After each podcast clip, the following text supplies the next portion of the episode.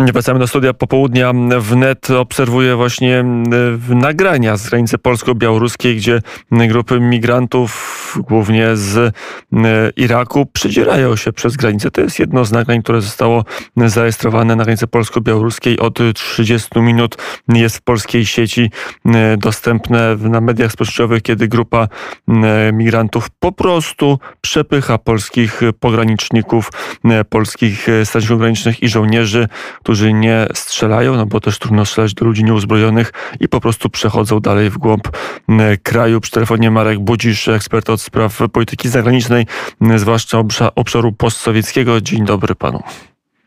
Dzień dobry. Think Tank Strategy and Future. E, coraz więcej jest prowokacji, coraz e, bardziej zdeterminowani, także agresywni są migranci. Już nie są to pojedyncze osoby, nie są to grupy e, kilku, kilkunastoosobowe. To są już grupy liczące ponad 100 osób, które w, w, w zwartym szyku starają się przedrzeć przez granicę. Jak dalej będzie eskalował ten konflikt? No, wydaje mi się, że to właśnie wskazuje kierunek eskalacji, a mianowicie będą podejmowane próby siłowego przebicia się przez polską granicę. E, większych grup, te grupy są, jak powiem, tworzone przez białoruskie służby specjalne właśnie po to, żeby, żeby w sposób coraz bardziej agresywny mm, to ja tylko dodam to nagranie, które widzimy, e, jest zarejestrowane przez e, stronę białoruską. To jest film białoruski, więc e, nie wiemy na ile on jest autentyczny. Wydaje się na pierwszy rzut oka, że jest autentyczny, że faktycznie to są polscy strażnicy, że faktycznie to jest przejście graniczne, ale to może też być inscenizacja, więc, więc nie wiemy, ale mamy informację z dziś z Polskiej Straży Granicznej, która informuje o takich próbach przedzierania się już zwartych e, kilkudziesięciu, ponad 100 grup migrantów. Przepraszam, że przerwałem i, i słucham dalej. Niezależnie od tego, czy to jest inscenizacja, czy to, jest, czy to są rzeczywiste wydarzenia, to to pokazuje pewną, e, pewną intencję. Inscenizacja też jest robiona w jakimś celu, w związku z tym e, wydaje mi się, że tu jest dość wyraźny sygnał, że będziemy mieli do czynienia e, właśnie z tego rodzaju scenariuszem. No, co, na, co najmniej z kilku powodów. No, po pierwsze, wydaje mi się, że Łukaszenka chce wywrzeć w ten sposób presję no, nie tylko na Polskę i, i, i Litwę, e, ale przede wszystkim na Niemcy, tam gdzie zmierzają ci uchodźcy. Tu warto zwrócić uwagę na fakt, że mm, wczoraj e, prokuratura niemiecka poinformowała, że wszczyna oficjalne dochodzenie w sprawie jakby powiększającej się liczby migrantów z Iraku, którzy pojawili się e, w ośrodkach dla uchodźców, to już podobno jest liczba 2600 osób, co by wskazywało, że ta, ta granica polsko-białoruska, może nawet bardziej litewsko-białoruska, e, nie jest bardzo szczelna. Więc w tym sensie tu raczej należy się spodziewać e, zwiększenia presji właśnie po to, żeby E, żeby Niemcy musiały zareagować. Łukaszenka chciałby, żeby to była reakcja polegająca na pewnym zmiękczeniu sytuacji, również i z tego powodu, że proszę zwrócić uwagę, dzisiaj e, w Brukseli przyjmowany jest prezydent Tadżykistanu. E, tu nawet nikt specjalnie nie skrywa tego, że chodzi o kwestię uchodźców z Afganistanu, a Rahmon nie jest jakimś przykładowym czy, czy czy wzorcowym demokratom. Wręcz przeciwnie, to jest e, prezydent, który rządzi żelazną ręką. Wszystkie partie w Tadżykistanie są partiami proprezydenckimi. Opozycja jest zdelegalizowana i jej przedstawiciele siedzą w więzieniach. Rahmon się rządzi 26 lat, no ale to nie przeszkadza urzędnikom e, brukselskim, żeby z nim rozmawiać, no bo jest interes polegający na powstrzymaniu uchodźców z Afganistanu, również i przez wyasygnowanie środków unijnych na rzecz e, Tadżykistanu. Podobnego reakcję, podobną reakcję chce wywołać Łukaszenka, mianowicie zatrzymać tych uchodźców w zamian za uznanie własnej władzy i, e, i zniesienie sankcji, a może raczej nawet trzeba by powiedzieć nie wprowadzenie sankcji, bo tu też trzeba zwrócić uwagę, że ten e, tak zwany czwarty pakiet sankcji wprowadzony po porwaniu samolotu Ryanair, on dopiero w gruncie rzeczy wchodzi w, w życie 5 grudnia. czyli jeszcze jest trochę czasu na, na, na wywieranie tej presji. Jak powinna postępować polska e, strona? Na ile powinna działać agresywniej, bardziej stanowczo? Jakie przykłady idą z innych granic po tym, kiedy one były uszczelniane? No chociażby Ceuta, czyli hiszpańska strefa w Afryce Północnej, ale też granica grecko-turecka czy, czy węgierska południowa granica. Mnie się wydaje, że strona polska e, realizuje dobrą politykę. Może, może należałoby no, nieco bardziej stanowczo działać, czy, czy może z większą determinacją, albo szybciej, no ale, ale kierunki są dobre. No, po pierwsze, proszę zwrócić uwagę, że zeszło, zeszłotygodniowa wizyta e, ministra Czubaszoglu, ministra spraw zagranicznych Turcji, E, doprowadziła w efekcie do tego, że loty z Iraku zostały zawieszone. Miejmy nadzieję, że ze wstrzymane. Mam tu na myśli loty do, do Mińska. Zresztą tureckie władze, które mają silne wpływy, szczególnie e, w irackim Kurdystanie, jakby są tutaj na pewnym naturalnym sojusznikiem, e, jeśli chodzi o, o próbę powstrzymania migrantów z tego kierunku. Ponadto mm, no, trzeba po prostu umocnić tę granicę.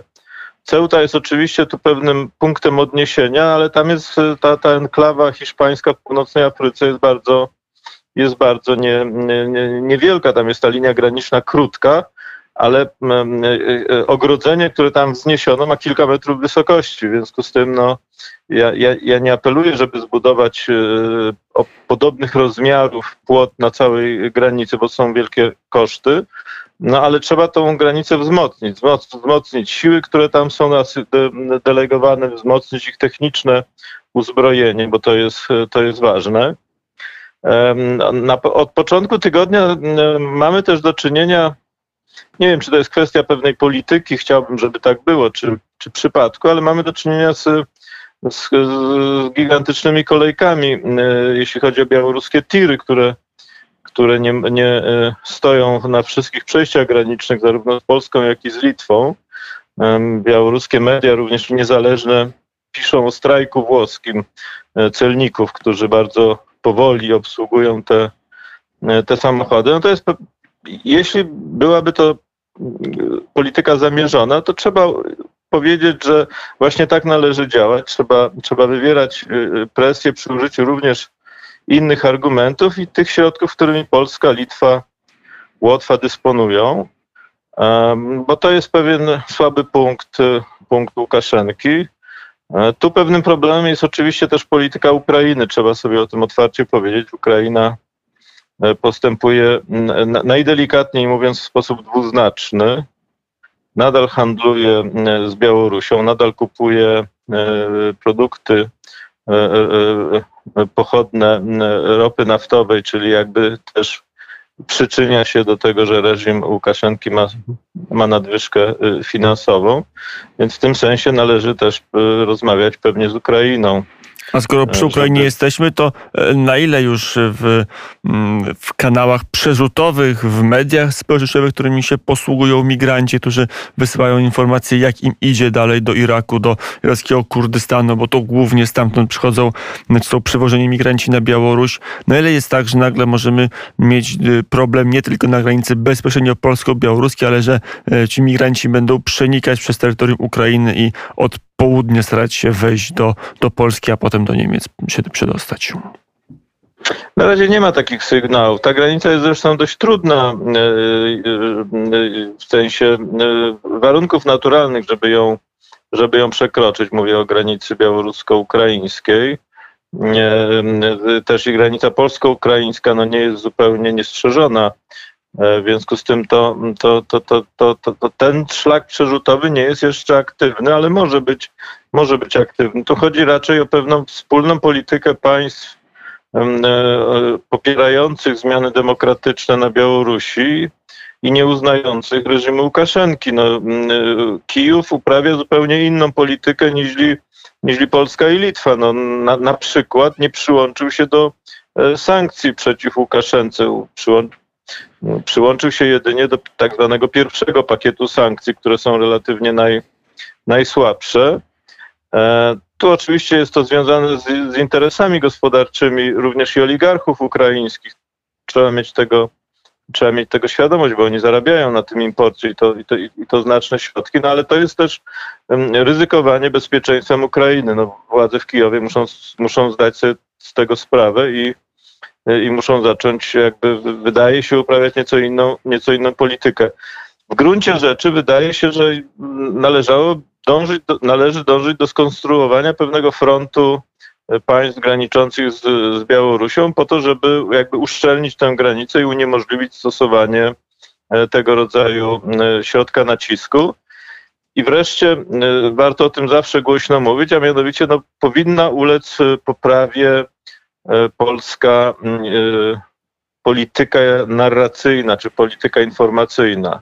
Ona wydaje się na użytek wewnętrzny nie, nie, nie zawsze działa, bo nadal mamy dużą grupę osób, którzy uważają, że, że, że tych ludzi trzeba przyjmować, a mm, na przykład za oceanem w prasie amerykańskiej, zwłaszcza w prasie liberalnej, mm, no te głosy są już dość jednoznaczne jako, jako, jako przykład pewnego zamykania się Europy i zwycięstwa tendencji mm, nacjonalistycznych, wręcz tak to jest przedstawiane.